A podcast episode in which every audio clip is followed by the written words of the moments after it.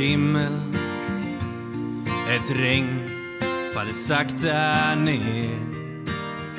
Det får mig att minnas en stad, en stad jag lekte i som barn. Grågrå människor i svarta, så svarta kläder. Men jag minns sorglösa dag, ett vackert minne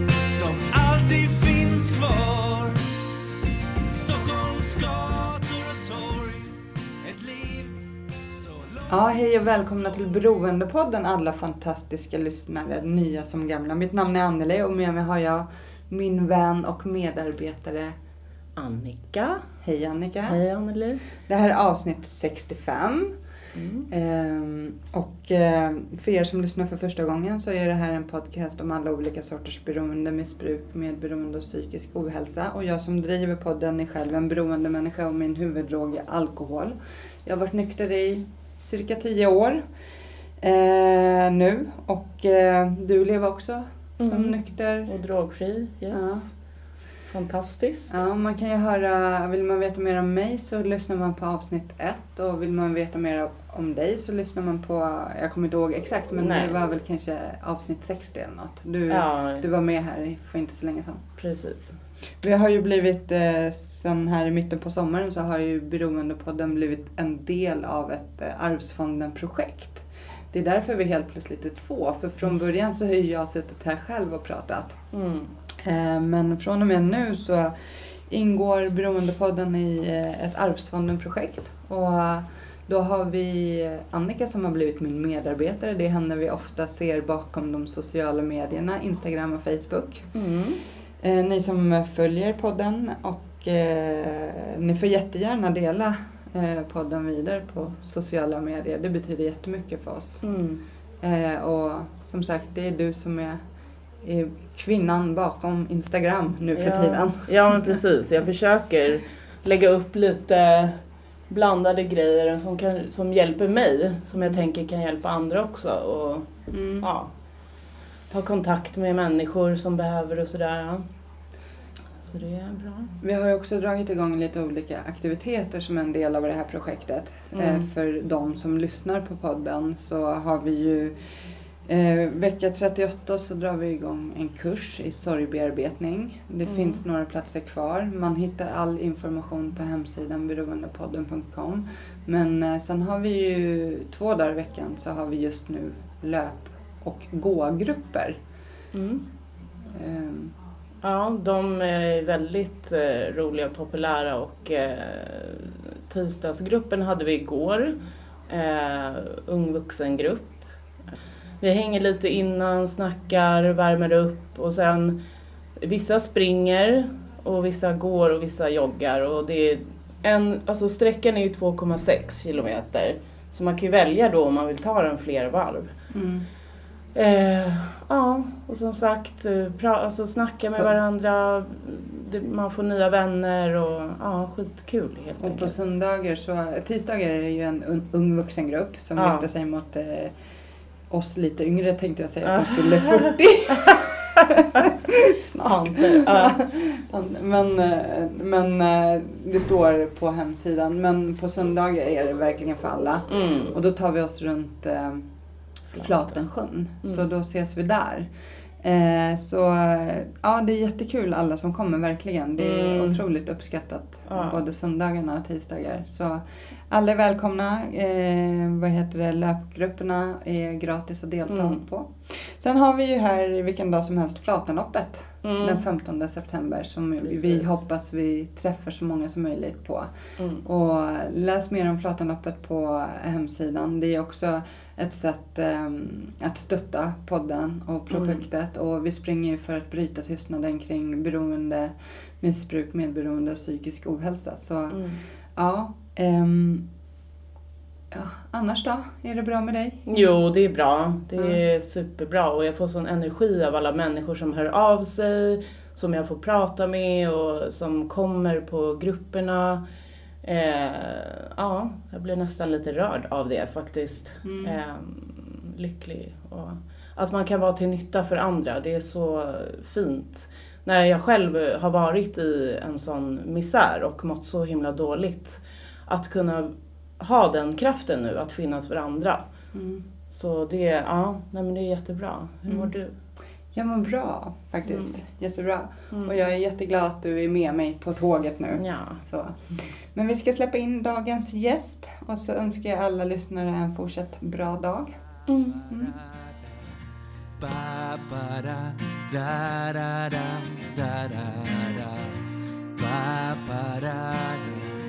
ba ba da da ba ba da da ba ba da da da da da da da En dyster T-baneperrong Ett liv inrutat i betong Mm, hej och välkommen till Beroendepodden Mikael Hägglund.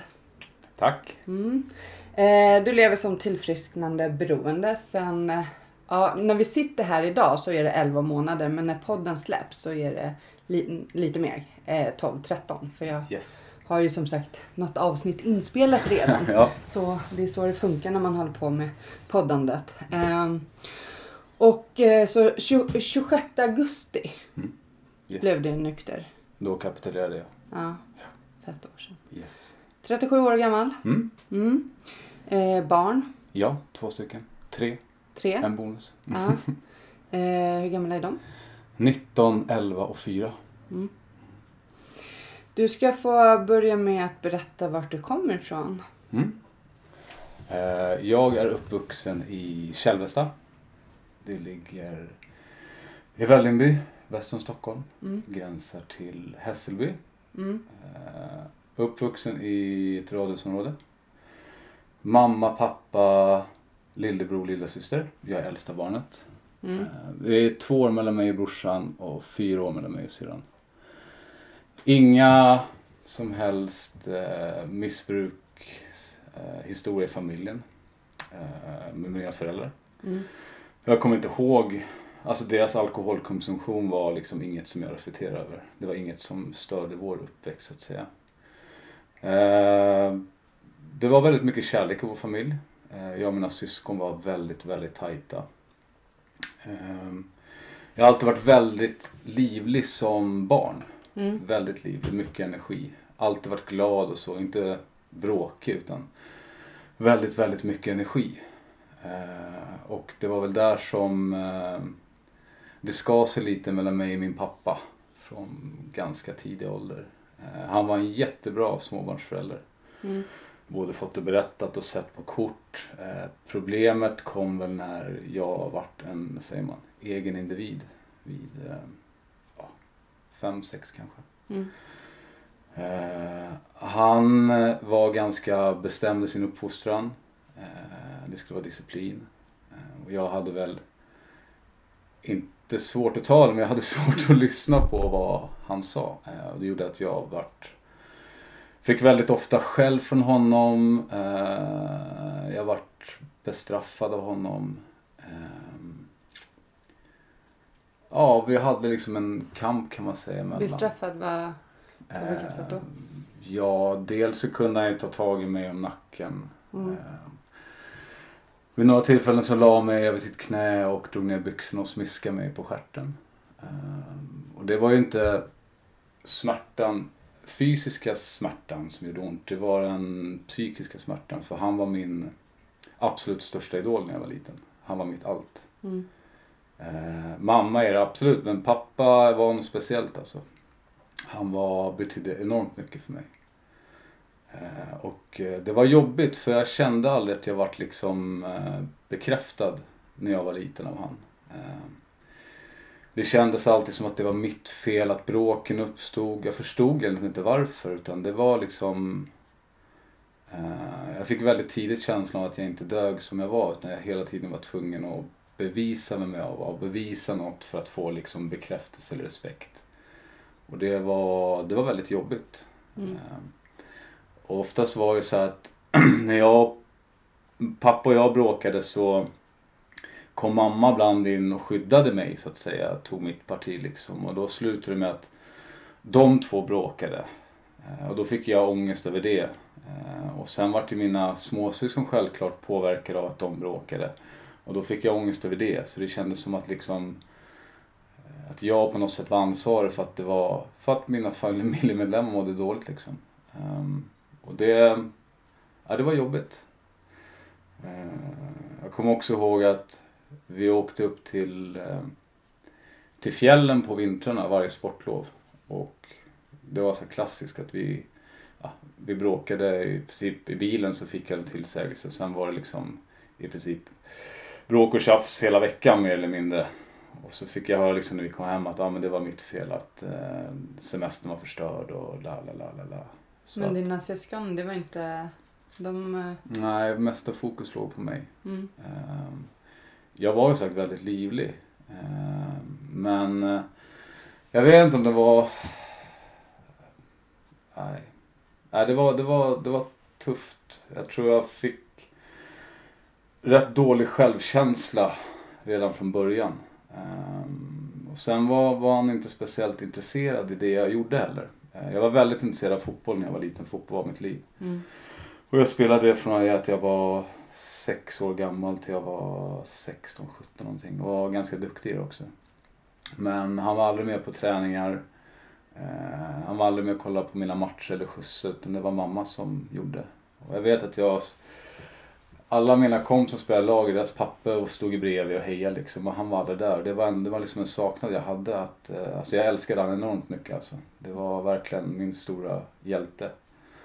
Eh, och jag kommer ihåg också, satt, vi hade kollade aldrig på sport i vår familj. Utan det var nyheterna och annat skit. Så jag kommer ihåg VM Italia. Det var 90 tror jag det var. Då var jag nere som kompis i området och kollade på finalen som var mellan Västtyskland och Argentina tror jag det var. Hette Västtyskland på den tiden. Och då satt jag på golvet och käkade popcorn och så kollade på finalen och då vet jag att jag sneglar upp på soffan. Och då ser jag då min kompis sitta med sin pappa liksom uppkrupen i knät i soffan och då han sitter och håller om honom. Och jag tänker då så här, tänk om jag också kunde vara så här. Och då var jag nio år gammal. Eh, sen tror jag nog att jag var nog ganska duktig från början när jag kände att liksom skjuta undan känslorna och liksom eh, ja, bara köra på. Eh, Eh, men någonstans där så skapades också en... Eh, alltså jag tror att som barn så föds man med enormt stor kärlek till sina föräldrar och det tar väldigt lång tid innan den liksom försvinner. Men jag tror där att vi 12-13 så började liksom jag känna att jag inte, jag hörde liksom inte hemma. Min familj vart inte min trygga plats. Mm. Det är rätt sorgligt för jag och mina syskon var liksom oskiljaktiga. Sov i samma säng hur länge som helst, det var liksom vi tre. Men jag började känna liksom att jag kände mig inte trygg i hemmet. Eh, det var liksom alltid tjafs. Jag hade alltid den här oron i magen om att eh, ja, jag skulle få höra någonting eller... Och det vart någonstans att jag jag kände mig bara vilsen helt enkelt. Så att vi, jag tror var vi 13, vi var ganska busiga när vi var små men inget mer med så. Men sen vid 13 tror jag det var. Då började väl jag att eh, tillsammans med en annan område som var jävligt duktig på att måla så började vi hänga ut lite och måla graffiti och eh, började väl snatta lite också. Eh, det var väl inget allvarligt så men det var någonstans det här sökandet efter identitet och närvaro som gjorde att jag liksom på något sätt försökte slå mig ur hemifrån på något sätt. Eh, och jag var ju fortfarande, jag hade inte, jag rökte inte eller drack eller något sånt där, utan fotbollen var fortfarande en väldigt stor del. Ehm, och jag var väldigt noga med att jag ville liksom inte börja röka eller dricka. Och på den tiden fanns ju inte datorer, tv-spel och sånt där, utan folk hängde ute då. Och det var väldigt mycket gäng som drog runt. Ja, så åkte moppar och det. Och mm. det var lite stökigt, kom ihåg, mellan vår, eh, mellan Källväst och en annan grannkommun. Så det var mycket gäng som gick fram och tillbaka. Och, och jag kommer alltid ihåg att jag var lite så här, men jag ska aldrig göra sådär liksom. Och, eh, jag var nog rätt feg. Mm. jag hade ändå min lilla, som sagt, trygghet på något sätt, även fast jag ville hitta fast plats i livet där jag kunde identifiera mig. Um, så vid åttan till nian ehm, så drog jag iväg på ett konfirmationsläger. Och på det här konfirmationsläget så träffade jag två killar som jag blev väldigt bra kompis med under läget. Mm. Eh, De är också från samma område som jag då, fast de är från en annan gata så att säga. Och de rökte ju och de hade druckit och de hade rökt hasch och de hade snott moppar och ja, de var lite små busiga får man säga. Så jag såg ju, jag är i samma ålder som mig. Vi fick väldigt bra kontakt och på något sätt så vart det så här. Jag vart väl inspirerad på något sätt. Det var något spännande, något nytt. Ehm, sen kom jag hem. Sen kommer jag ihåg att jag träffade en av de där killarna i slutet av sommaren. Ehm, och vi byter hemnummer som man hade då. Jag tror man hade inte så mycket mobiler. Det var, det var hemnummer man hade. Ja. Eh, så vi började hänga. Eh, och då hängde vi på, på en ungdomsgård. Eh, och där var det ju... Ja, det var en annan stämning. Det var ju mycket folk som rökte och liksom... Det var liksom mer... Jag kände att men det här var spännande liksom. Och... Mamma och pappa gick det väl sådär för. Ehm, det var ju inte bra hemma. Ehm, de bråkade och pappa var borta allt mer och mer. Ehm, och eh, på något sätt så när han försvann mer och mer hemifrån så var det lättare för mig att, eh, att slå mig ur. Ehm, det var, jag var ute senare, eh, hade fortfarande inte gjort något. Ehm, men jag kände liksom en, en dragningskraft till det här. Och eh, jag kommer ihåg att jag hade en, en kompis i området som var fransman. Ehm, och han var väldigt duktig i skolan. Men han rökte hasch. Mm. Eh, Fast han gjorde det på, om jag tänker, alltså han, på något sätt är väl det inpräntat i den franska kulturen. Att de gör det på något sätt som, de dricker ju typ vin varje dag. De, jag vet inte, det, på något sätt är det accepterat i den där kulturen. Så han rökte hasch ibland och liksom frågade om jag skulle, jag bara nej, nej fan jag ska inte ha liksom. Mm. Men sen var ju de på gården där, vissa de rökte ju. Och jag kommer ihåg att droppade vid något tillfälle och bara, men jag kan fixa så här. Jag hade aldrig rökt. Ehm, och sagt och gjort så gick jag förbi han. Eh, Jag tror att det här var våren i vintern eller våren i nian. Och då gick jag förbi han och så köpte jag en färgrullad. Och sen då när jag kom till ja, mina grabbar då så vart det ju då vart man ju så här ryggdunk och bara fan vad grymt, fan vad bra liksom bla bla bla. Och där så rökte jag då min, eh, min första joint. Faktiskt innan jag hade min första fylla. Mm. Eh, Mm.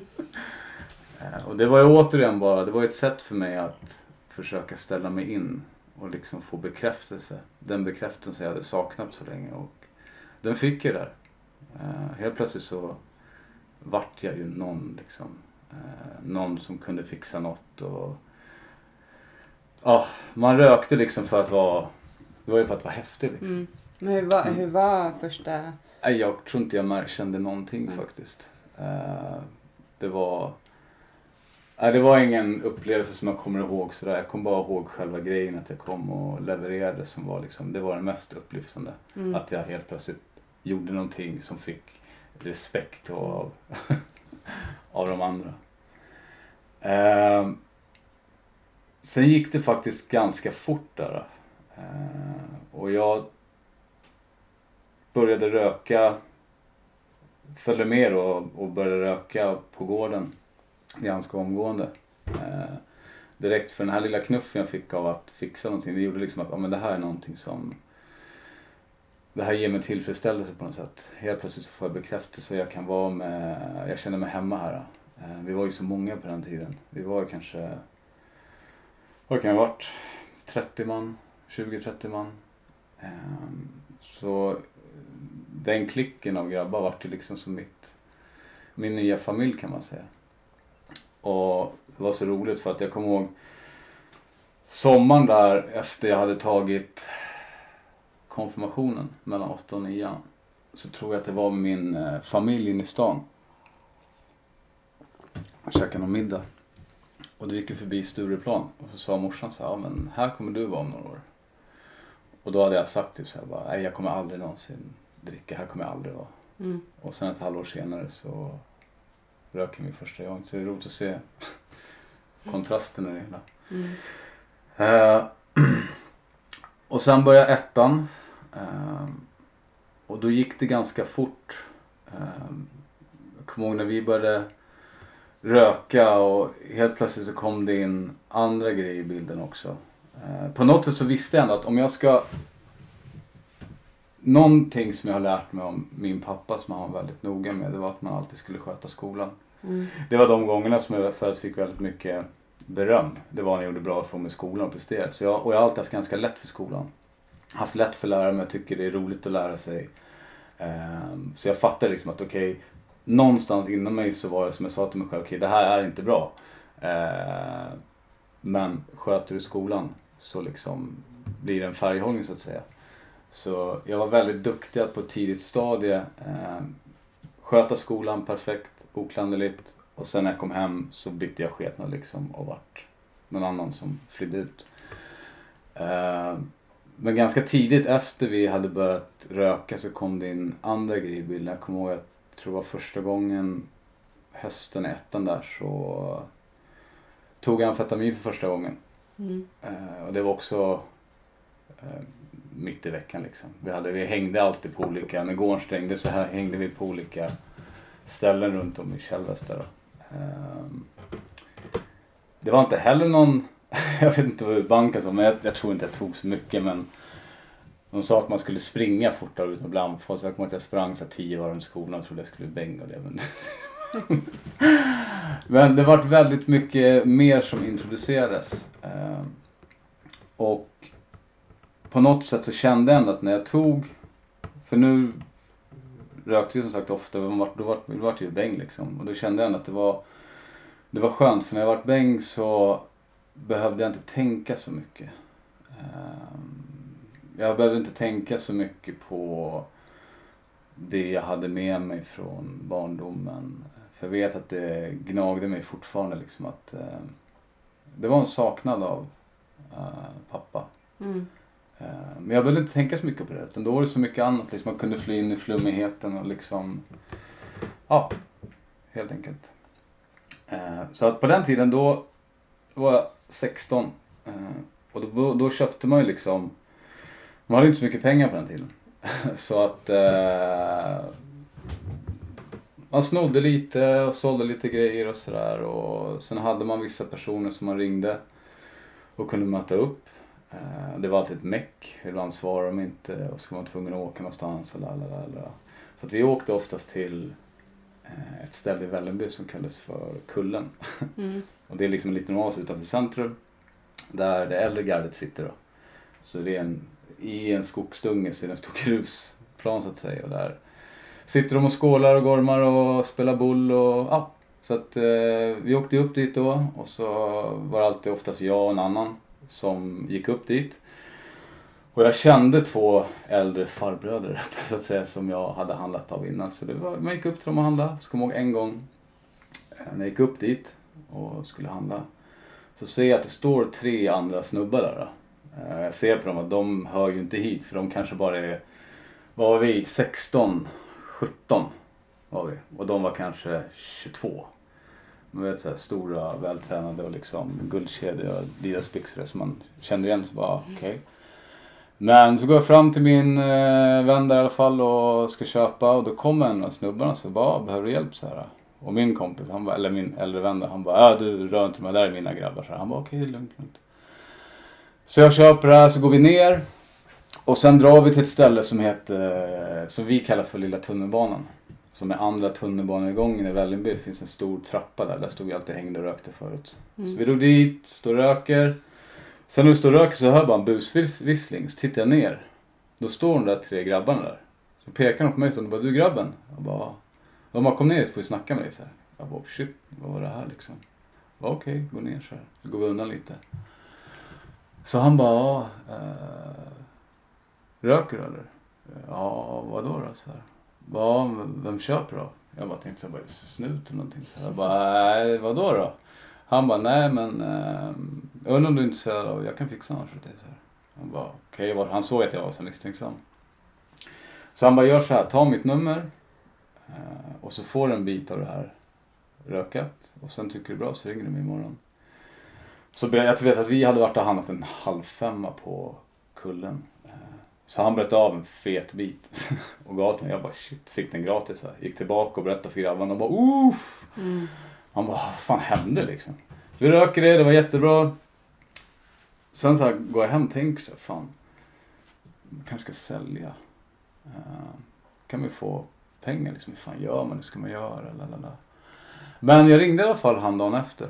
Och åkte hem till han. Uh, och från den dagen, han tog mig under sina vingar liksom.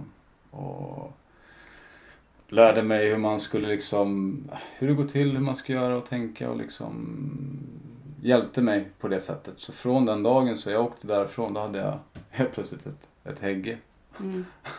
från att jag köpt halvfemmor så hade jag ett hägge, det var jättemycket för mig då. Bara, oh, hur fan ska jag nu kunna bli av med det här? Vad händer liksom? Bara, uh, och jag kritade ju också, så jag hade inga pengar till att betala utan jag lånade ju där för att sälja och betala pengar. Liksom. Mm. Men det var slut efter två dagar. Och helt plötsligt så hade jag liksom eget röka, jag hade väl 2000 spänn plus hans pengar. Så då var det bara att åka och betala tillbaka och hämta nytt. Och på den vägen så började väl jag kränga då. Eh, och det gick väldigt bra. Eh, alltså, det var ingen miljoner med det, inte så, men att vara liksom 17 år gammal, ha några tusenlappar på fickan, eh, eget röka, liksom vara den som står för bitarna. Det gav mig ännu mer, vad säger man, jag vart ju någon mm. ännu mer liksom. Mm. Det var ju det här jag skulle göra liksom. Eh, och jag kommer ihåg man hade Comvik, första Comvik kontantkorten. Eh, så hade någon ride några där man fick, jag tror man fick så 50 öre varje gång någon ringde upp till en per påbörjad minut eller något sånt där.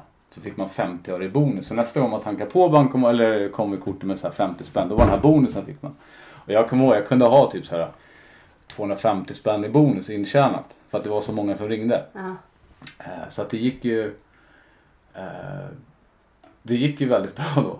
Ehm, och så kom det ju mer droger in i bilden. Andra droger, det var ju... Tabletter kom in. Rohypnol, flunitrazepam, Valium. Eh, började sälja det. Men kände du att du var beroende från början? För att ja. eh, det är ju mycket det här liksom att den här bekräftelsen var ju så otroligt ja. viktig för dig. Liksom, mm. eh, men kan du minnas liksom att... Ja, det kan jag göra. För att jag bröt benet när jag åkte snowboard när jag var 17. Mm. Bröt jag benet. Och då kommer jag ihåg efter jag hade opererat mig. Så fick jag, fan var det, var det Citodon tror jag fick utskrivet. Eh, brustabletter. Mm. Och då skulle man ta en till två stycken. Eh, för att smärtan skulle bort. Men jag kommer ihåg att jag hällde i fem, sex stycken i glaset direkt för att få en kick. Mm. Eh, så jag hade ju det tänket redan då. Så att jag tror att min värld, när jag kom in och verkligen började, började knarka liksom. Då var det så skönt för mig för jag behövde inte tänka på allt det gamla. Det, liksom, det försvann. Alla de här gamla tankarna och funderingarna och liksom rullade runt i huvudet, det försvann. Så för mig var det så lätt att vad som helst som jag varit påverkad av var bra. För då behövde jag inte tänka på någonting.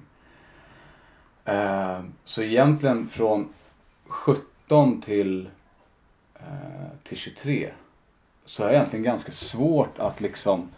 Det är som en, en stor fest eller en stor dimma egentligen hela den tidsperioden. Eh, jag vet att jag tog studenten.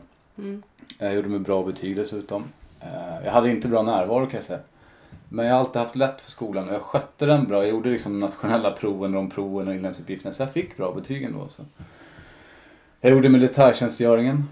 Eh, men förutom det så är det bara en stor en stor eh, dimma. Mm. Vid 19 års ålder så tar jag kokain för första gången. Jag kan inte heller säga att det var någon eh, direkt så här wow-upplevelse. Men innan så hade det varit tjack. Och jag mådde så jävla dåligt på tjack alltså. Fan. alltså det var ju billigt och man var påtänd men jag mådde så jävla dåligt alltså i typ två dagar. Jag låg och hade frossa och bara ah. Och ändå tog man liksom. Ja. Så laddet var ju på något sätt en, en dyrare variant men du fick ingen AT på samma sätt. Eh, Så jag tog det första gången, för jag kunde inte ta, alltså när jag hade druckit så kunde inte jag, alltså hasch var någonting jag rökte dagligen. Det gjorde jag även i skolan. Det var så, jag normaliserade det så pass fort. Att liksom, det var någonting jag rökte hela tiden. Och sen på helgerna då kom de här, ja då kom väl E in och syra in och tjack och sånt. Eh, men liksom när jag drack jag alkohol, då kunde inte jag röka. För jag spydde bara. Mm. Det hade den effekten. Så alltid när jag drack alkohol så tog jag något kemiskt. Mm. Eh, alkohol och E till exempel. Eller alkohol och tabletter. För det hade inte samma spyeffekt på mig. Eh, så att i början så var det väldigt mycket, det var väldigt mycket E under en period. Eh, Kommer jag ihåg. Under en treårsperiod. Så varje gång som jag drack alkohol så var jag tvungen att käka E. Eh, men efter det, det är inte så jävla, alltså är, man har inte så jävla bra färghållning på det. Ehm, speciellt när man var på krogarna så var det liksom, ehm, det var, nej, det var svårt att inte dra till sig uppmärksamhet. Och då på något sätt så vart väl eh, kokainet då vart väl en substitut till det. Att jag kunde ta något kemiskt även fast jag var på krogen, fick ingen avtändning och jag kunde ändå ha färghållning, Mm. typ. Så att eh, det vart bytte ut det mot, eh, bytte ut et och tjack mot kokain istället. Eh, det var inte så att jag gick och tänkte på det, utan det bara vart så. Ehm, och sen när jag var 21 år, då torskade jag första gången för kokain. Eh, vi hade varit på en avslutningsfest, var i Hässelby. Och sen såg eh, Rejvkommissionen till mot den festen. Hette rejvkommissionen på den tiden. Och jag kommer ihåg att jag, de tog mig och jag var så påfjuttad så jag var så jävla trevlig mot dem alltså. De bara tagit, jag skulle så här, typ försöka dumpa det. De bara ah, ah, ah, tog upp det från gräsmattan så här. Så de bara, det här är ditt? Jag bara, ja men det är mitt, absolut. Så här. Vad har du tagit? Ja men jag har tagit alltså, det är lugnt. Så här. De bara, okej men vi har fullt i bilen så du får gå hem nu. Så, ja men det är ingen fara, absolut. Så bara, ja vad tjänar du i månaden så här? Jag bara, ja jag sa min månadslön liksom. För jag hade, För det du sålde eller? Nej, nej, nej, nej. På, jag, hade ett, eh, jag hade ett jobb då. När jag var 21, då hade jag jobb. Då sa jag min månadslön. Det jag inte fattade var, det var att de här dagsböterna, de baseras ju på din månadslön. Ja. Så jag tänkte, när jag fick hem så här, när jag skulle få hem bötes, alltså brev från polisen så bara, ja men det blir så här brottsofferjour och sen det är så här tusen spänn, ingen fara. Ja, då fick jag på, tror jag, så 19 eller 20 tusen i böter. Jag bara shit, vad fan alltså. Ehm, men det löste sig. Ehm, så 21 var sagt första gången jag eh, torskade för kokain. Ehm, och sen ville det sig faktiskt så illa att vid 23 års ålder så tog jag en överdos på kokain och höll på att stryka med. Ehm, jag hade egen lägenhet då. Min första egna lägenhet. Ehm, och vi hade varit och jag och två vänner hade varit och hämtat en tia i stan. Ehm, åkte hem till mig. Och en av mina vänner, han hade varit eh, uppe på tjack i fyra dagar. Så han var jävligt stissig alltså. Bara flög fram som en jävla Jukka Perk i lägenheten och kollade genom rutan och kollade i dörren och liksom. Vi satt och lyssnade på musik och snackade vid bord och dammade liksom. Men han fram och tillbaka. Och jag kommer ihåg att jag bara, ah, alltså, fan vet du, han började stressa mig alltså. Jag bara, fan du måste lugna ner dig alltså. Så fortsätter vi, fortsätter vi. Och sen rätt vad det är, jag kommer inte ihåg någonting, men sen vaknade jag upp på golvet. Eh, klockan kan ha varit kanske fyra. Så jag vaknade upp på golvet och bara jag hör det dunka så här dunk, dunk, dunk. Och bara, fan är det som händer? Bara tittar man, jag bodde på bottenvåningen. Mm. Då står mina två vänner på min balkong på bottenplan och dunkar på rutan och bara helt så här uppstissade och bara pekar. Och jag bara, vad fan är det som händer liksom? Så jag ska gå bort dit och öppna dörren. Då hör jag bara så här, pling plong, hur det plingar på. Jag bara, shit, vad, vad fan är det som händer liksom? Så vet du, vi har ju suttit i lägenheten, det är kaos i lägenheten. Eh, så jag bara tar en bärs här. Jag bara tänkte att någonting är det som har hänt. Så jag måste på något sätt dölja att vi har haft en jävla pundarfest här. Så jag tar bärsen, går och kollar ut genom eh, nyckelhålet. Och då ser jag att det står fyra ambulansmän där utanför. Så jag bara, fan är det här? Så jag bara, okej, okay, samla mod. Och så bara öppnar jag och bara, hej! De bara, hej, är du som är Mikael Hägglund? Så jag bara, ja. Bara, hur mår du så här? Jag bara, det är bra. Okej, okay. de bara, vi har fått ett samtal om att det inte är så bra så här. Jag bara, nej. Jag bara, det är någon som har ringt och drivit med så här. De bara, du ser lite uppjagad ut så här. Är allt lugnt eller? Jag bara, jag har bara druckit bärs, det är hur lugnt som helst. De bara, är det okej okay att vi kollar ditt blodtryck? Jag bara, absolut. Så jag höll fram handen och satte dem på en sån här som kollar blodtrycket med. Mm. De bara, ja men då är det ett högt blodtryck. Eh, men jag sa, gå och vila nu, drick ingen mer bärs utan gå och vila liksom, gå och sov. Eh, och så ringer du ifall det ska vara någonting. Jag bara, absolut jag lovar. Tack för att ni kom liksom så här. Stänger dörren och bara, vad fan är det som har hänt? Går tillbaka, då är mina polare borta. Försöker ringa dem, ingen svarar så jag bara, äh, jag vet fan vad som händer. Går och lägger mig och sover. Vaknar upp på morgonen, min äh, mamma jobbar som sagt natt på Karolinska. Så jag vaknar upp på morgonen. Jag vet inte om jag vaknade av signalerna eller om det var något annat. Men jag vaknade upp tidigt och bara kollade på telefonen. Då är det typ så här, 15 samtal missade från morsan. Jag bara shit vad fan är det här? Och bara ringer henne och bara Wow! Bara, vad har hänt? Vad har du gjort igår? Bara, din vän ringde hit. Det var min syrra ensam på natten. Eh, och då hade han ringt hit och sagt att Micke har tagit en överdos. Uh, jag vet inte om han lever. Och syrran var ensam hemma, morsan jobbade, hon fick inte tag på morsan. Så när hon kommer hem, morsan, då är syrran upplösningstillstånd och bara kaos. Och jag, du vet såhär manipulativ som man är, bara nej, nej, det är ingen fara, det är något missförstånd liksom, bla bla bla. Åker upp till morsan, eh, sätter mig där, bara lugnar ner henne, det är lugnt, jag mår bra, allting. Så bara shit, jag måste få tag i dem, vad var det som hände igår? Alltså. Och mycket om en får jag tag, får jag tag i dem. Då visade det sig att jag hade suttit där vid, vid bordet och sen hade jag bara följt ihop på golvet och bara legat och skakat i princip. Och börjat tugga fradga och så hade ögonen åkt upp i huvudet typ. Så en av mina vänner hade ju satt sig på mig, liksom tryckt ner mig på backen för jag var, bara låg och skakade och gjort alltså, hjärt och lungräddning på mig. Och fått igång mig, örfilat mig och sen hade jag fallit bort igen. Så han fortsatt medan den andra hade ringt 112 och sagt att det var en överdos. Eh, och när de hörde att jag, de fick väl lite kontakt med mig, sen hörde de att ambulansen kom. De, vi hade, de hade en massa grejer i lägenheten så de trodde visst inte någon snut skulle komma. Så de tog i grejerna, sprang runt och sen ställde sig på min baksida och dunkade så jag skulle vakna mm. till. Uh, så att, uh, ja, han räddade livet på mig. Och det tråkiga är att han själv dog i en överdos fyra år senare. Så han finns inte kvar längre tyvärr. Uh, så att det var väldigt stökigt under den perioden från 17 till 23. Hur var efter överdosen? Eh, tänker, vad var dina tankar då?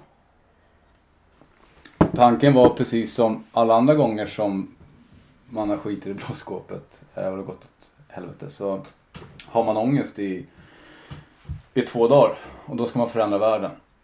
Och sen när ångesten lagt sig då var vi på tåget igen. Så jag var, tror jag var på helgen efter igen. Det var liksom ingen... Eh, det var... Och jag vet att de... För det spreds ju lite det här att jag hade gjort det här. Så det var ju folk som bara, ska du verkligen göra det? Bara, Nej men det är ingen fara liksom. Sen var det glömt efter några veckor. Så det fanns ju ingen som helst tanke på att... Jag tror jag var så inne i det på något sätt att jag aldrig reflekterade. Man var odödlig då liksom. Det... Mm, och även fast liksom vänner började dö om, runt omkring en. För det var när vi passerade, tror det var 1920 som de första personerna började trilla av pinnen. Mm. Eh, men det var ingenting som fick en att stanna upp liksom. Men hur mådde du Hade, hade du någon ångest? Alltså hur mådde du liksom för övrigt? Nej. Du körde på, du tyckte det var kul. Ångesten kom inte så mycket där för det var bara, jag hade ju bara mig själv att ta hand om. Mm. Eh, Det var det, jag hade ju bara mig själv. Men hur tänkte du kring din familj då? Alltså jag tänkte Nej, mamma. jag, jag var, nej, jag var ganska, jag var väldigt frånvarande då. Mm. Ehm, Min mamma har ju alltid funnits där för mig. Mm. Alltid stöttat för mig. Alltid stöttat mig i allting. Eh, och hon, hon vart ju lämnad ensam med mig och, och mina småsyskon då, i huset och jobbade natt. Och liksom, på något sätt så, är som att jag alltid, sk- är som att jag alltid skötte mig utåt sett, alltså hade jobbet och klarade så kände hon, hon hittade ju massa grejer i rummen, stöldgods och hittade droger och allting. Men på något sätt så förlitade sig hon på att, alltså hon förstod att hon kunde inte göra någonting. Mm. Hon kunde inte göra något, jag gick min egen väg liksom. Och hon hade ändå min lillebror och lillasyster att ta hand om också så att för henne var det ju en jättesvår situation. Mm. Men hon har alltid, alltså utan henne så hade det inte varit det idag. Hon har alltid funnits där för mig på rätt sätt. Eh, alltså aldrig liksom fryst ute mig eller kastat ut mig utan alltid liksom ställt upp och liksom älskat mig. Eh, och det, utan henne så hade jag inte funnits idag tror jag. Då hade det inte gått alls. Eh, men sen vid 24 års ålder så träffar jag en tjej. Eh, och blir kär. Väldigt kär. Och eh, vi flyttar ihop efter, mm, ja, kan det varit ett halvår kanske. Eh, och det var också, det jag fortsatte ju som vanligt. Alltså jag har ju, röket har ju alltid varit en, alltså det har ju varit så naturligt för mig jag gör det varje dag. Så jag fortsatte väl när jag träffade henne. Hon var väl ganska tidigt så här, men jag tycker inte om droger och sånt där liksom. Men hon visste inte om att jag höll på. Jag höll det hemligt. Och sen var det någon kväll när jag kom hem från några vänner då. Och så liksom, hon bara, fan vad röd du är i ögonen. Hon bara, har du rökt eller? Och jag bara, ja. Och då tog det hus i helvete alltså. Äh, hon vart jätteförbannad. Och bara i princip bara, okej, du har två val. Antingen så väljer du att röka, då har du inte mig kvar. Eller så väljer du mig. Och då var ju valet rätt enkelt för mig så jag valde henne. Så att då började jag väl någon självmedicin eller självavvänjning. Eh, att sluta röka. Mm. Det var ju det som hon visste om. Eh, så att jag höll mig faktiskt... Eh, jag rökte ingenting på fem år. Mm. Men som den beroende man är så byter man ju spår då. Utan Då kunde jag istället ta ladd på helgerna. Eh, och typ käka lite tabletter. Eh, så jag ersatte det med något annat. Eh, men det gick på något sätt att hålla den färghållningen bättre. Och sen fick vi vår lilla dotter efter ett och ett halvt år ungefär. Och då tänkte man ju också att ja, men efter det då kommer man ju sluta. Det, barnet blir räddningen liksom. Eh, för jag vet att det var då min ångest började komma lite när jag, liksom, när jag missbrukade. För att då helt plötsligt var jag i ett förhållande.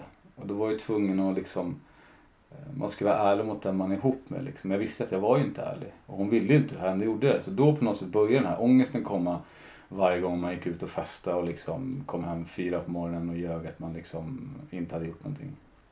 Tänkte jag väl att, ja men efter min dotter kommer så då kommer det vara lugnt. Men så vart det inte. Ehm, men efter sex år, sex och ett halvt år, eh, så hade vi vuxit ifrån varandra. Ehm, och då valde vi att gå skilda håll. Gjorde vi. På ett lugnt sätt. Det var inga konstigheter alls. Och då kom jag ihåg att jag tänkte så här.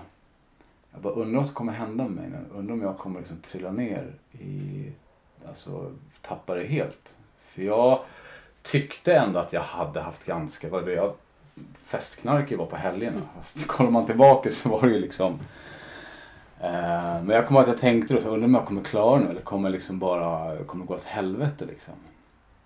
Ehm, så jag, jag började röka direkt, ganska omgående. Eh, men jag lyckades det vart inte eh, kraschlandning som jag trodde men det vart ju mer rök absolut. Eh, och sen så fick jag min egna lägenhet och flyttade dit. Eh, och jag tänkte så här, nu ska jag bara, nu ska jag bara vara med min dotter och mina vänner och liksom, ja, inget mer förhållande. Och sen bodde jag väl där i, ja, han vill bo i två månader. Och sen var jag inne på en kontaktannons. Jag alltså, jobbade fortfarande, jag har alltid jobbat liksom. Och det har alltid gått bra på mina jobb, alltid. Mm. Eh, alltid liksom klättrat uppåt så att säga och varit väldigt noga och duktig med jobben. Så att jobbet gick bra, läget gick bra, liksom jag rullade på där. Och så var jag med någon, på någon kontaktsida där. Eh, och så helt plötsligt så bara började jag snacka med en tjej. Um, och jag var inte alls, jag var inte sugen på att skaffa förhållanden så att jag var klar med det. Men hon tog mig med storm verkligen alltså. Hon, um, jag kommer ihåg de första tre veckorna vi snackade där, det var liksom, och jag kände så här, vad fan är det som händer alltså? Vad, vad händer med mig? eh, så att vi snackade i princip eh, ja, sex timmar om dagen fram till sena nätterna. Dag ut och dag in i tre veckor. Eh, hon frågade mig också så här, ja men knarkar du någonting? Så här, det är ganska direkt. Jag bara, uff, det här var rakt på. Så här. Och då var jag ärlig och sa det. Ja, men jag röker ibland. Jag röker liksom. Hon bara, ja, men jag är fine med det liksom. Det, det är inget konstigt. Hon gjorde det absolut inte. Mm. Men hon behöver inte ha någon som liksom håller på och festar fredag till söndag. Liksom. Jag bara, nej men jag dricker inte så mycket alkohol liksom. Nej, nej, nej. Sagt och gjort så, så träffades vi. Kommer ihåg den första dagen, gången vi träffades, 24 november. Uh, och jag var ju så nojig när jag satt där och skulle möta henne. Jag bara tänkte så här, bara, tänk om vi nät, via nätet, så vet ju aldrig hur Mm. personen ser ut i verkligheten eller hur den är. Och jag hade ju värsta bilden av hur hon skulle vara och hon var mer än vad jag hade kunnat föreställa mig. Hon tog mig på sängen verkligen och eh, vi klickade direkt. Och flyttade ihop ganska om, omgående. Det tog väl så tre, fyra månader så flyttade vi ihop. Eh, och det var helt fantastiskt alltså. Jag bara tyckte nästan det var overkligt alltså. Det var verkligen min drömtjej alla kategorier alltså. Det var den finaste tjejen jag träffat. Och jag kommer ihåg att vi började snacka ganska tidigt om eh, Alltså allt flöt på, det var liksom inga konstigheter. Det var liksom bara, var inga, jag hade vissa grejer från förra förhållandet som jag tänkte så att ja, men det här vill jag inte ha i mitt nya förhållande. Liksom allt bara funkade, det bara flöt på som en dröm. Alltså. Så kommer jag ihåg att vi började snacka då om barn ganska tidigt. För jag ville ha till barn och hon hade inget så vi pratade om det och kom överens om att vi skulle göra ett försök under sommaren där 2013. Ehm, så att vi började väl försöka göra barn. Ehm, och sen åkte vi till Turkiet en resa tillsammans som var jättemysig en vecka där. Men där kom jag ihåg, där hade vi vårt första bråk. Vi hade vårt första tjafs där. Och det uppstod på grund av att det var första gången som jag varit eh, nekad sex. Mm. Faktiskt. Eh, och jag kunde inte förstå varför. Eh, det tog jättehårt på mig. Eh, jag tog det väldigt personligt och eh, Nej, det var svårt för mig att förstå hur man... Jag hade aldrig blivit det förut i ett förhållande. Utan det hade alltid liksom flyttit på normalt. Så det var vår, vårt första bråk där och första gången jag var nekad. Eh, det var en jättefin semester övrigt. Eh, vi åkte hem och sen två veckor senare, nej förlåt, tre, fyra veckor senare så gjorde vi ett test och då visade det sig att vi var gravida, eller hon var gravid och Mm. vi skulle få barn. Och eh, jag var ju helt överlycklig alltså. Det var ju bara, uff, det var så jävla härlig känsla. Och jag hade ju varit med om en graviditet tidigare. Som liksom flöt på utan egentligen några komplikationer alls. Ehm, Så jag i min enfald trodde att det skulle vara, så det är ju samma sak liksom. Men det visade sig att, eh, jag tror det var någon vecka efter där så vart det tvärtom istället. Vilket är helt naturligt när det kommer till graviditet. För alla graviditeter är olika. Det är liksom, som kvinna kan man ju liksom gå igenom det på ett jättelugnt sätt och sen kan det bli väldigt jobbigt också. Mm. Så att, eh, och jag var väl inte så mycket värd de första två månaderna. Eh, jag... Eh, sexet dog helt och hållet. Jag var ju fortfarande nykär upp över öronen. Medan hon gick ner på en liksom en nollnivå egentligen när det kommer till oss två. Förståeligt för att hon är gravid. Mm. Men jag fattar inte det. Jag tog det jättepersonligt. Det var jättesvårt för mig. Eh, Jag började tro att det var mig det var fel på. Eh, jag var inte förstående. Jag var arg på henne att vi inte hade sex. Eh, jag fick inte krama henne, jag fick inte pussa henne. Liksom, alla lukter vart jobbiga för henne och jag kände mig väldigt åsidosatt. Och vi hade ju inte känt varandra så länge. Så vi hade ju känt varandra, varit ihop i kanske tio månader när det här inträffade. Så att jag hade ju inte den här naturliga tryggheten till henne som man kanske har när man varit ihop i några år. Så att för mig var det en jätteomställning. Um, men jag var ju så dum och trodde att liksom, ja, jag har varit med om en graviditet, det kommer vara likadant. Um, men jag visste inte bättre då. Så att jag var väl väldigt oförstående första tiden uh, under graviditeten. Sen fattade jag väl efter, ja, jag tror det kanske var i åttonde månaden, eh, att uh, okej, mycket nu för att ta tagga ner liksom. Uh, det är en graviditet, liksom softa. Allt kommer att återgå till det normala efter graviditeten. Mm. Så jag bet väl ihop där. Ehm, och liksom jag, de här tankarna malde i mig hela tiden. Det där fattade jag, där tog ju min sjukdom tag i mig på riktigt. Eh, det här destruktiva tänkandet. Eh, men det hade jag ingen aning om då. Det jag fattade ju inte vad det var att jag inte kunde släppa det. Man gick in, jag gick in i mani liksom och skulle försöka lösa allting och kom med lösningar. Jag gav inte henne utrymmet att bara få vara. Eh, och självklart så sökte jag mig till drogerna eskalerade liksom. Eh, jag var ute på kvällarna, och helgerna då hon sov för sig. och Liksom. Ja, men jag var inte ute på stan, i stan och festade. Jag var mest ute liksom i, i orten och satt i lägenheter och höll på och flumma. Det var ju mitt sätt att fly på något sätt. Eh, från de här känslorna. Så kom i alla fall vår lille grabb. Och det var en mest, det var en helt underbar förlossning alltså. Eh, 22 timmar tog den. Eh, och vi var liksom helt uppe i varandra. Det var jättefint verkligen på alla sätt och vis. Eh, den var helt fantastisk. Men sen så, när vi kom hem, så gick han ner i vikt.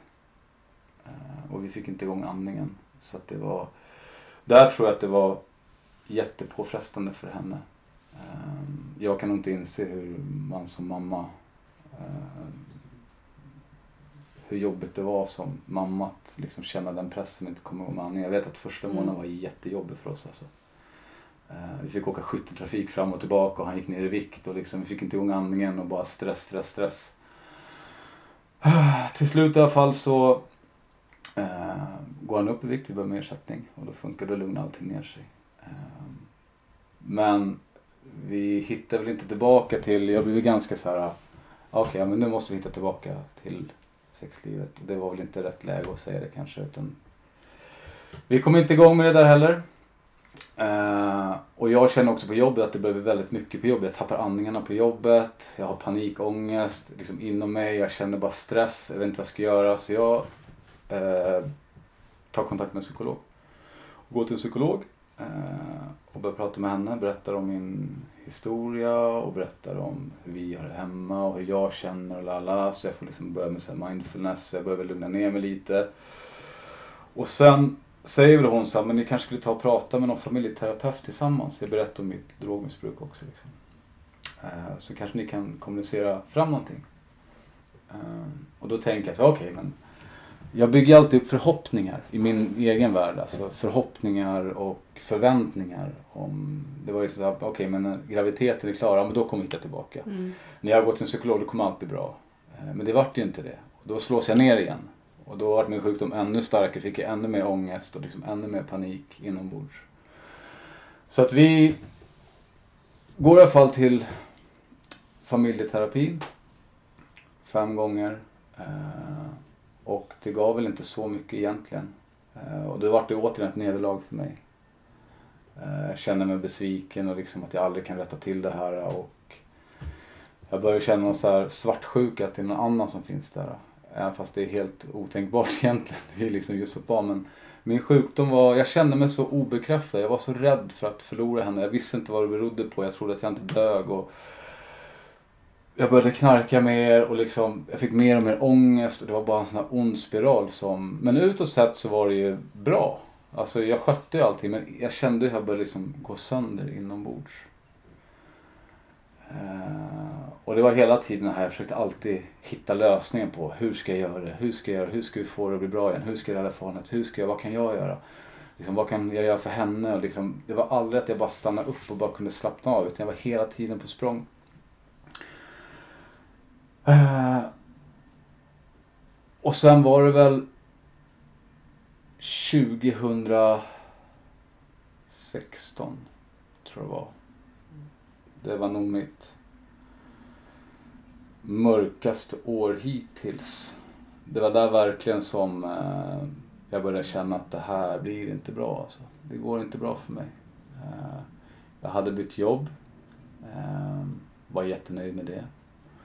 Men sam, på samma veva så hade hon börjat nytt jobb.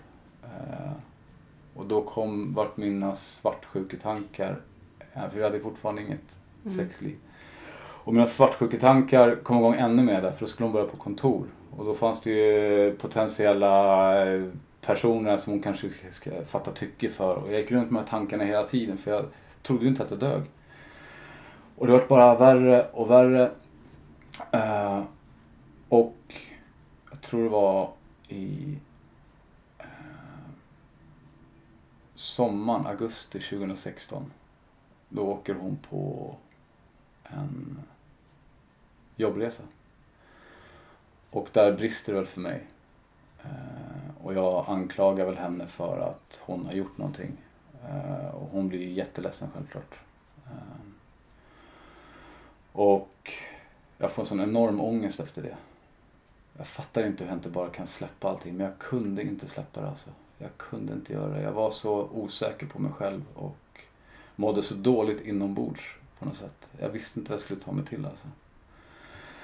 Så att jag ringer den gamla familjeterapeuten vi har och bokar tid med henne Så säger jag måste prata med dig igen. Alltså, jag måste prata med dig. Eh, går till henne och har en session med henne och då säger hon så här. Hon bara, du nämner väldigt mycket om din pappa. Eh, när du varit hos mig. Hon bara, det kanske skulle vara läge att du pratar med honom. Så sagt och gjort. När jag gick ut därifrån så smsade min pappa. Första gången vi inte haft kontakt, ordentlig kontakt sen jag var 16, eller 17 kanske. Vi har haft kontakt när familjemedlemmar har fyllt år och sådär men julafton, men inget mer liksom. Sen med smsade och bara du, vi behöver snacka du och jag. Eh, se till när du är ensam hemma så kom jag över, bara du och jag. Och få ett svar typ, ja men du kom ut på torsdag då. Så sagt och gjort. Jag går hem och berättar för henne vad jag ska göra och jag, hon stöttar mig verkligen här. Min sambo då. Eh, Så jag åker ut i torsdagen och bara har sån jävla ångest inom mig och adrenalinet pumpar. Jag, vad, vad fan ska jag göra liksom? Åker hem dit, knackar på. Hej hej, hur är läget? Vi sätter oss här nere och sen boom! Spyr jag ut allt jag har gått och bärt inom mig. Eh, sen jag var liten. Spyr ut det i två timmar över han. Han får inte en syl i vädret. Berättar allting. Allt. Hur jag har känt mig, hur han har tryckt ner mig, att han har liksom slagit mig, att jag inte känt mig älskad, att han inte har bekräftat mig, att jag har saknat honom, hur mycket jag älskade honom. Eh, och det var jobbigt. Eh, men samtidigt var det skönt. Och få ut allt det här. Det var som en spya, en två timmars spya som bara kom ut där. Så jag bara sa allt vad jag kände alltså. Vad sa din far? Alltså i början så sa han väl emot lite men sen så satt han bara och höll med liksom. Alltså han hade ju jätteångest över det. Ehm, och jag vet att det sista jag sa till honom var att du, har, du, har, du är pappa till tre barn men eh, du kan räkna bort mig. Eh, du har bara två barn från och med nu. Jag vill aldrig mer se dig. Du är inte min pappa. Och sen drog jag därifrån. Och sen satt jag och tokböla från Värmdö ända hem till Blackeberg. Och bara grät, grät, grät, grät. Eh, och kom hem och bara grät, grät, grät. Och sen tänkte jag så ja men det här var ju det här var ju det som behövdes. Nu kommer jag må bra igen liksom. Det är det här problemet va. Men jag mådde inte bra alltså. Jag mådde fortfarande nästan sämre gjorde jag efter det här. Ehm. Och vart ännu mer, liksom, jag var ute varje helg i princip och ja, knarka. Bara, jag mådde så dåligt alltså. Jag kunde inte... Jag bytte umgänge, så ena fredagen var jag med dem och körde, sen andra på lördagen var jag med dem. Sen kunde jag vara själv och köra bara för att liksom, okej, okay, ingen får se att jag håller på så här. Jag var liksom ut och sett, träna, Mm. jobba, var med barnen men sen jag var bara tvungen att fly alltså. Jag mådde så jävla dåligt inombords alltså. Det var bara ett svart hål som bara vart djupare och djupare. Och sen kom väl kulmen, äh, kulmen, men en annan knockout kom ju på julafton. Uh, julafton har alltid varit heliga för mig. Uh, det har varit förknippat med roligt, alltså värme och liksom. Och vi skulle fira julafton hos uh, hennes systrar. Skulle vara där. Och du vet, jag kunde vara så att jag kände att jag behövde ut och döda mina känslor så kunde jag bara starta lite tjafs så att jag fick liksom anledning att dra. Så jag tror att vi hade ett litet småtjafs bara dagen innan julafton. Men då drog jag hemifrån och sen körde jag loss. Kom hem fem på morgonen. Kröp ner i sängen. Eh, vaknade upp. Eh, sliten. Men jag tror inte hon märkte någonting. Eh, åker dit käkar och liksom börjar dricka och sen får jag för mig att jag vill fixa någonting. Eh, och då exploderar hon. Förståeliga skäl. Och bara, hur fan kan du hålla på så här? Det är julafton liksom. Vad fan håller du på med liksom? Är du så jävla sugen efter droger? Och alla vart ju såklart förbannade på mig. Och jag bara bryter ihop och bara drar ut därifrån, bara sätter mig och gråter på gatan. Alltså, det var så, jag hade sån alltså, ångesten bara exploderade inom mig. Jag bara, vad håller jag på med? Alltså, vad händer nu? Vad fan håller jag på med? Alltså, jag fattar inte. Jag fattar inte. Jag kunde inte förvåna mig själv att göra något annat. Jag visste inte vad jag skulle ta mig till alltså. Så att vi, ja, går ju upp och liksom, ja, vi åker väl hem liksom. Hela julafton är förstörd. Alltså en jävla ångest över alltså. Kommer hem och hon går och lägger sig och så drar jag ut på julafton igen gör samma, kör en två dagars och bara kommer hem morgonen efter och bara så vad händer med mig? Så då bara, nej. Vi var vi var väl okej okay dagen efter. Vi liksom var, vart väl vänner. Och jag bara, nej men du ska inte dricka. Jag ska inte dricka på ett tag nu. Så jag är nykter fram till nyårsafton. Och sen veckan efter nyårsafton så faller jag dit igen. Samma resa, resa igen. Mm. Jag kunde inte kontrollera det. Fanns liksom ingen hejd. Så bara tänker jag mår så jävla dåligt inombords. Så börjar jag tänka på pappa så här. Så bara, jag börjar tänka så här, vem fan är jag att döma egentligen?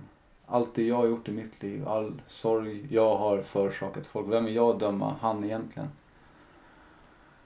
Så jag bestämmer mig att kanske därför som jag har mått så dåligt att jag liksom var så... Det är klart att jag ska vara ärlig och hård men att jag liksom bara kuttade av direkt. Eh, jag har begärt chans, andra chanser från folk. Så jag ringer faktiskt upp han. Och säger liksom att du.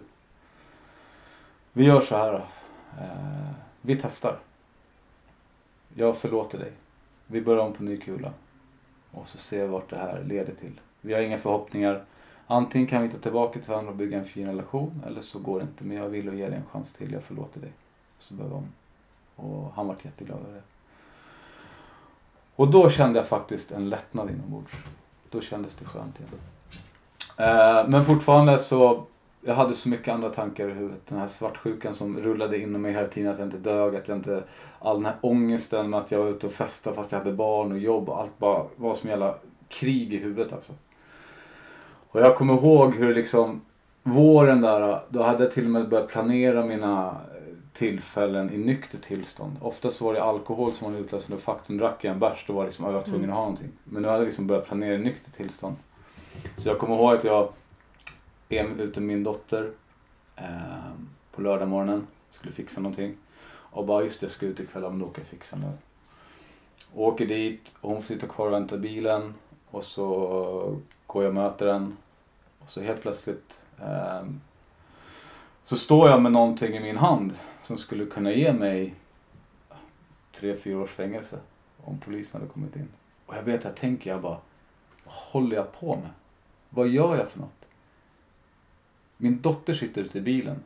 Jag är vad håller jag på med? Vad håller du på med Micke? Fattar du inte att du håller på att tappa det? Den liksom bara, tanken bara får igenom mig. Eh, men sen så löste sig, gick ner till min dotter, åkte hem och så gick jag ut på kvällen och så var det, hade den tanken borta liksom. Jag började fatta att det var nästan så att jag så här bara körde på i 180 för att ah, det får bära eller brista. Jag måste liksom, jag kan inte kontrollera själv. Så att Men du kände inte att du kanske be- behövde söka hjälp för det? jag visste inte vad jag skulle göra. Jag fattade inte. Det var helt, alltså jag var så inne i den här negativa tankesprånget. Jag kunde inte. Jag hade försökt allting. Jag hade gått till psykolog, jag hade läst böcker, jag hade liksom gjort det, jag hade gjort meditation. Jag hade, alltså ingenting funkade. Jag var inte, hade inte en tanke på att jag var sjuk. Nej. Så att jag hade varit på fest i juni. Eh, och jag kom hem vid fem på morgonen. Eh, som vanligt. Samma vanliga resa. Och när jag ska krypa ner i sängen så vaknar hon upp. Och bara, vad är du hemma så här sent? Hon hade alltid sovit när jag kom hem. Nu kommer hon upp och bara, vad är du hemma så sent? Vad har du gjort? Har du knarkat? Och jag bara, äh, äh, äh, nej, äh, vet så här ställd. Och hon bara gick igenom, tog min kavaj, bara tog upp och bara tog upp en påse kokain.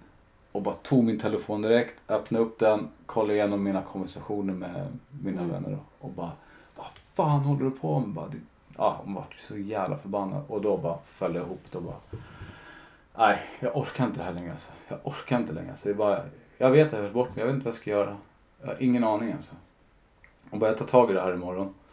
Så att på morgonen när jag vaknar så ringer jag drogakuten Sankt Göran. Eh, ringer och bokar tid. Eh, åker in dit. Ringer min chef på vägen in. Eh, öppnar upp mig för honom och säger så här ligger det till. Det här är ja, Jag har det här problemet.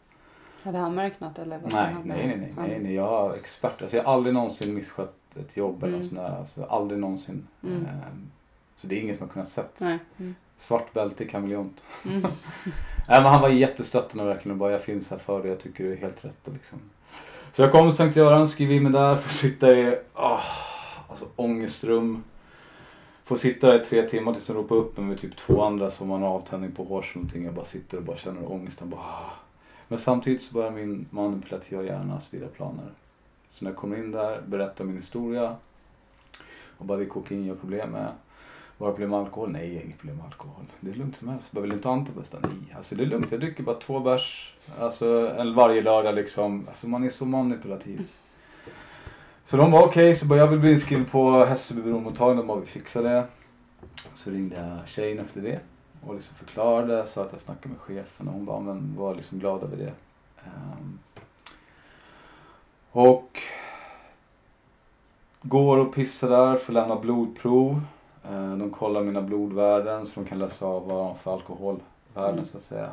Eh, Och sen skulle vi till Gotland i fem veckor.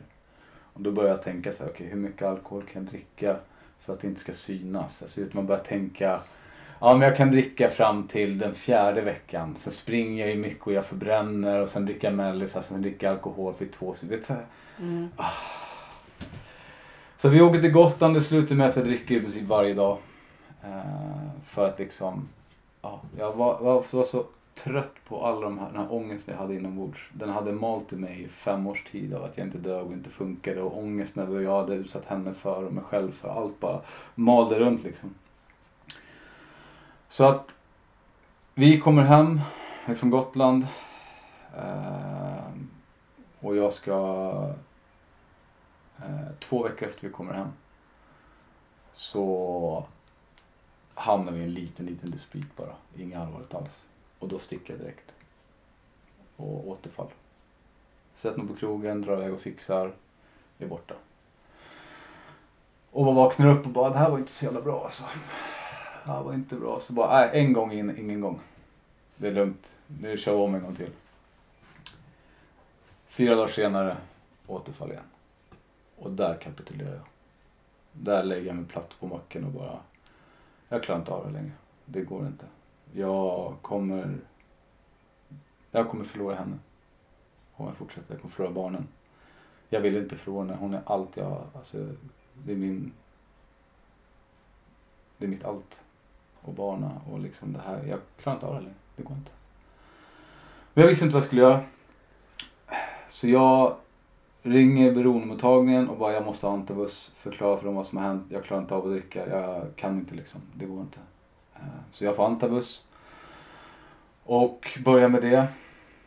Eh, och jag för första gången, för första gången sen jag började, ah, inte sen jag började, men första gången sen 17 år, 17-18 år, eh, så är jag helt fri från någon substans, substans på två veckor. Mm. Det har inte jag varit på nästan 20 år. Eh, Och det var ett stort steg kan jag säga. Men jag kände fortfarande att jag mår inte bra. Tankarna är kvar, sättet är kvar. Vad är det som liksom... Och sen visste jag att det fanns en... Jag hade en vän på gymmet jag tränar. Som hade varit drogfri, var helt fri från alkohol och allting i två år. Så jag träffade honom på gymmet och förklarade liksom så här. Hur jag känner och vad jag har gjort och allt som har hänt. Han bara, men eh, jag har en tolvstegsgemenskap som eh, jag går till.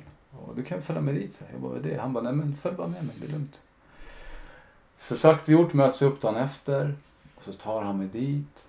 Och det första jag får när jag kommer in i rummet det är bara kramar av alla. Jag bara, fan vad är det här? Okej, okay. Okej, sätt oss ner, förklarar, alla välkomnar en.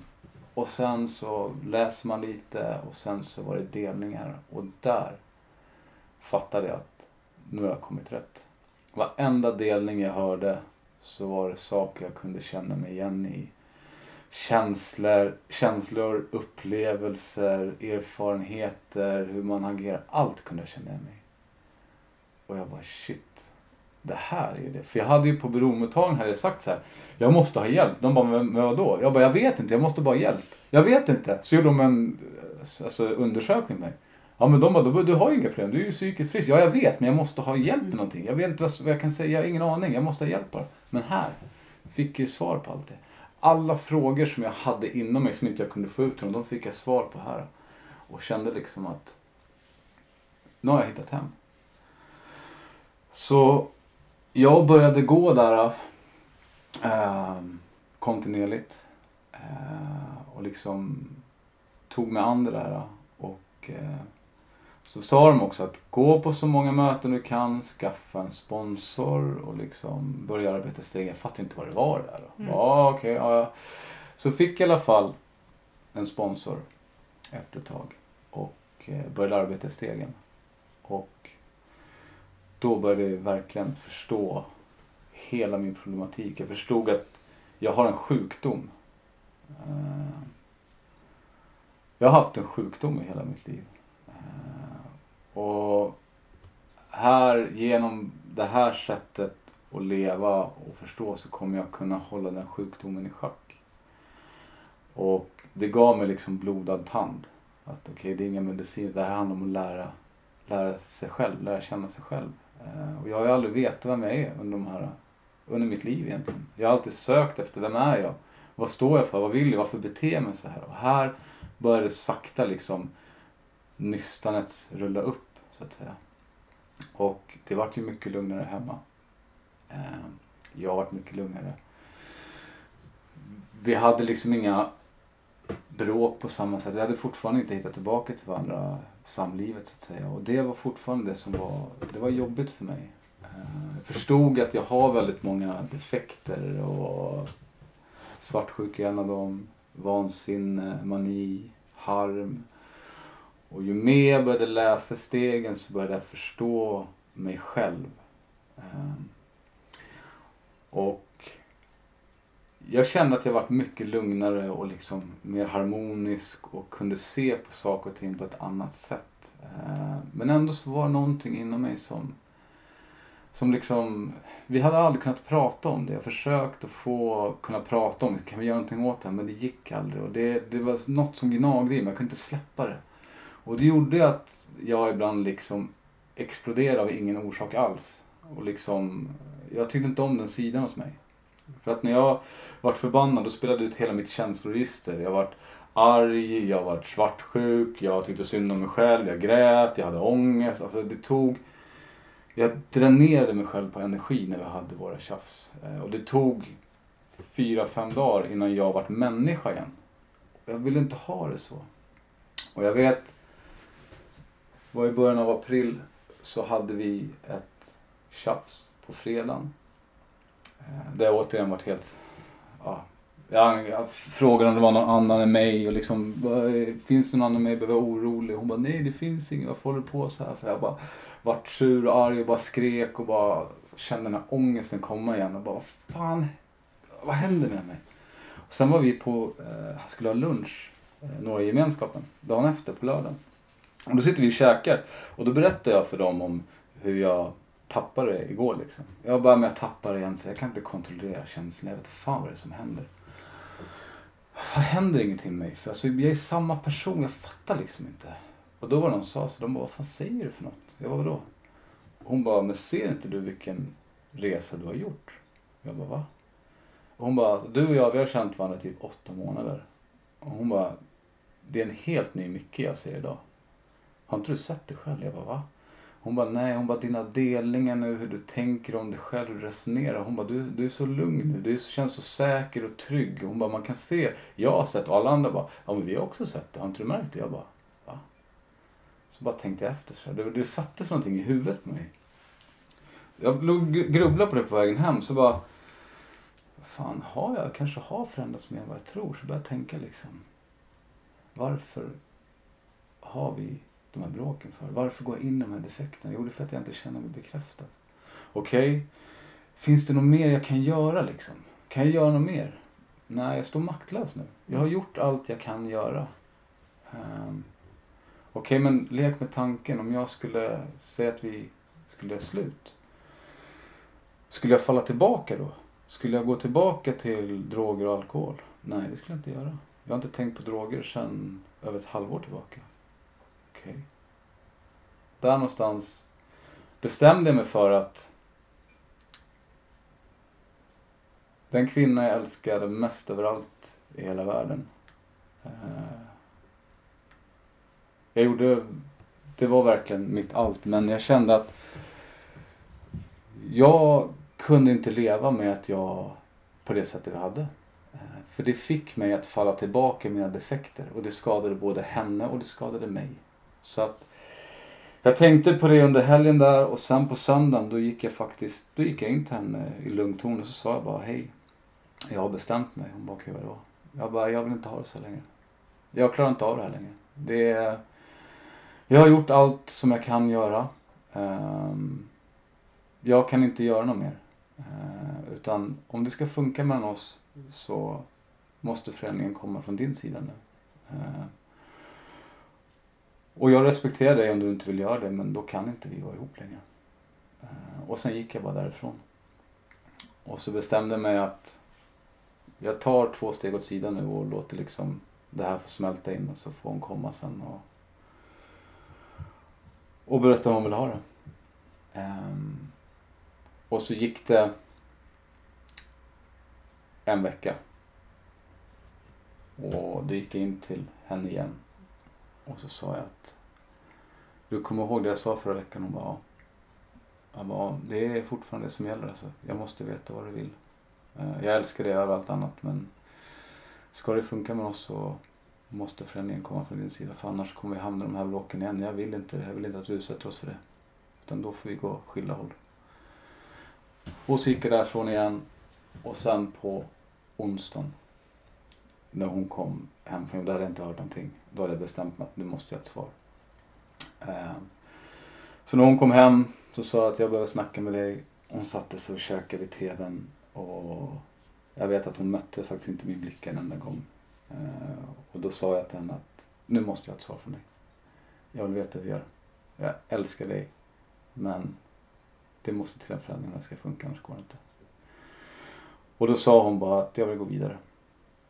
Och då sa jag att okej, så du vill att vi separerar och sen börjar vi om på varsitt håll, var för sig. Ja, det vill jag. Okej, då respekterar jag det.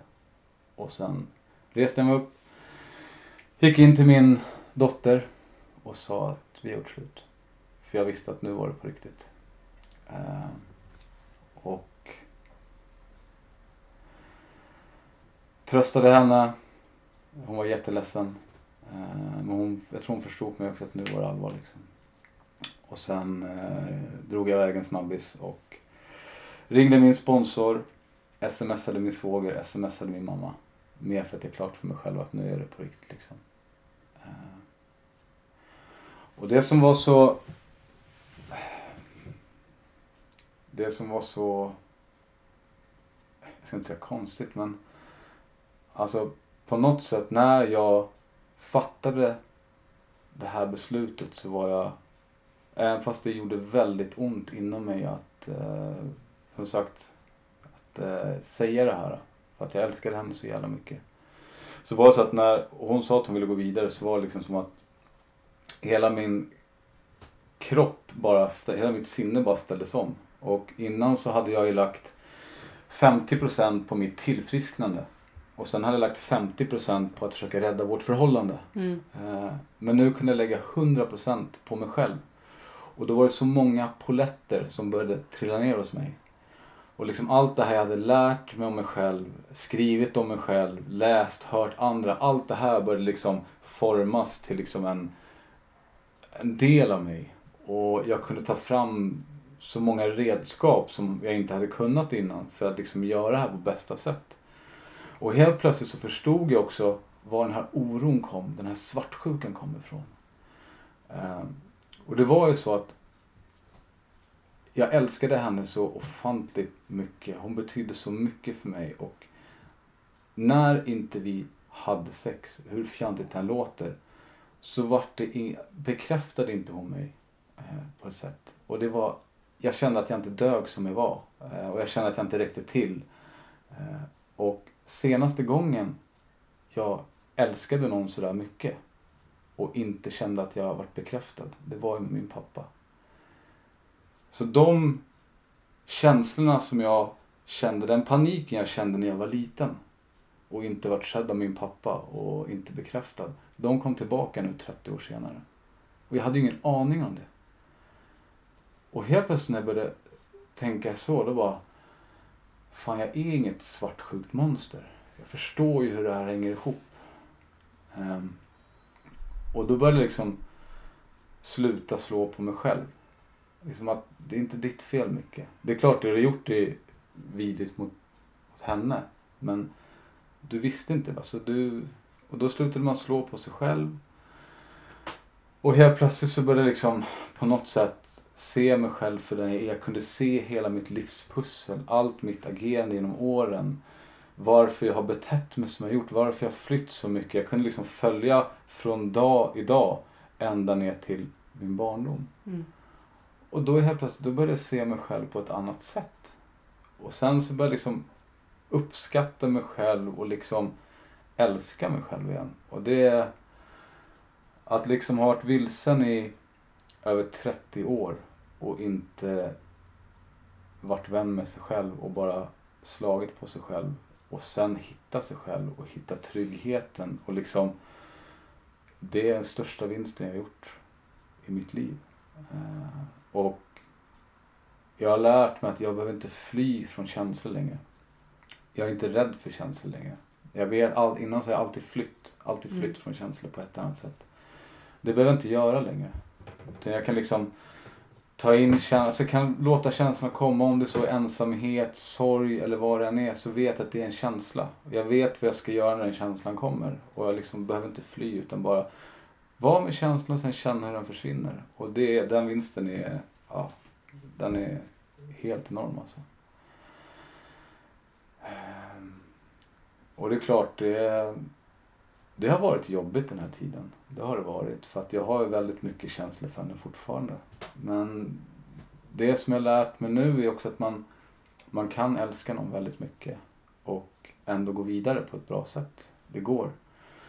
Eh, och det är ju så att 13 vänner runt omkring mig har gått bort genom åren genom beroendesjukdomen. Det kunde aldrig avskräcka mig. Mm.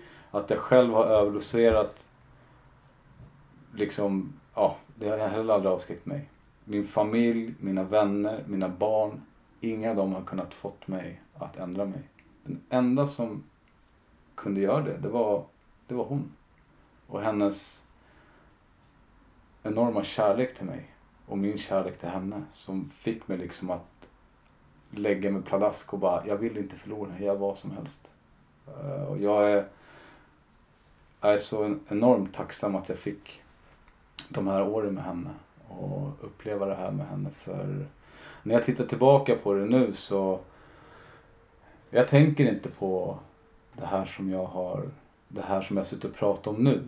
Det tänker inte jag så mycket på. Jag tänker på alla, alla våra fina stunder. Eh, all kärlek som fanns där och alla våra minnen. Och jag blir glad när jag tänker på det. Och jag känner ingen harm, ingen ilska, ingenting. Eh, sen är det så också att det här är ju... Det kommer ju inte från att man har gått på tio möten och snackat några gånger. Det här är ett arbete som jag håller på med dagligen med mig själv. Eh, och det är därför det bär frukt. Liksom. Mm. Jag lägger kanske en timme om dagen i snitt på olika saker som får mig framåt, tar mig framåt. Och det är någonting jag kommer hålla på med hela livet. Eh, jag kommer aldrig bli frisk från den här sjukdomen. Utan jag måste ha, ha garden uppe och veta vad jag ska göra. Liksom. Så att, men jag är enormt tacksam över att jag sitter här idag och eh, att jag mår som jag mår idag. Och jag är också enormt tacksam att du sitter här idag. Och, eh, eh, jättetacksam att du delar med dig av din historia. Jag kan säga så här, jag har känt igen mig sjukt mycket i du, det du pratar om med pappa och relationen, din sista relation. Jag har också haft en väldigt lik sån relation. Eh, som jag också förstår är kopplat till min uppväxt. Ja. Liksom den här, de här känslorna du beskrev. Liksom och, så. Mm. och det är det som är så fint Mm. när vi berättar våra historier. Att Ja. vi kan känna igen oss i varandra. Sådär. Och första gången vi fick kontakt, då hade du tio veckor. Mm. Och då skrev du till mig eh, för att du hade lyssnat på podden. Mm. Och, och jag ville redan då ha med dig i podden. Mm. Men jag ville att du skulle få lite mer tid. Ja. Och sen sprang vi på varann en gång här Ja. för några månader sedan. Och nu sitter det här. Och eh, ja, jag eh, hoppas att vi ses i framtiden så man får följa dig mer Ja. och se. Och du, eh, ja, all lycka till och jättetack för att du kom hit. Tack så mycket.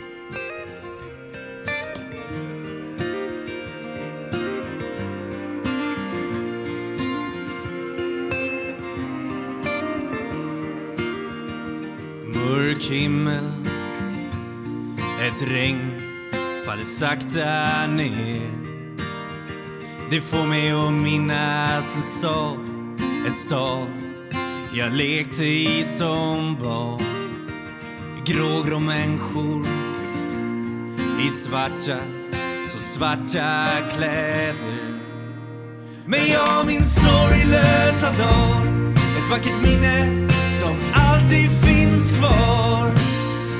Stockholms gator och torg Ett liv så långt ifrån sorg pa ba da da pa ba da da da da da da da pa ba da da pa ba da da pa ba da da da dam, da da dam. En dyster T-baneperrong Ett liv inrutat i betong Stäng ut det andra med musik. Fokusera. Allt på att bli rik. Här finns en dyster atmosfär. Ett liv kretsat kring karriär. Men jag minns sorglösa dag. Ett vackert minne som alltid finns kvar. Stockholms gator och torg. Ett liv så långt ifrån sorg. Ba ba da da. Ba ba da da. Ba ba da da da da. Da da da. Ba ba da da. Ba ba da da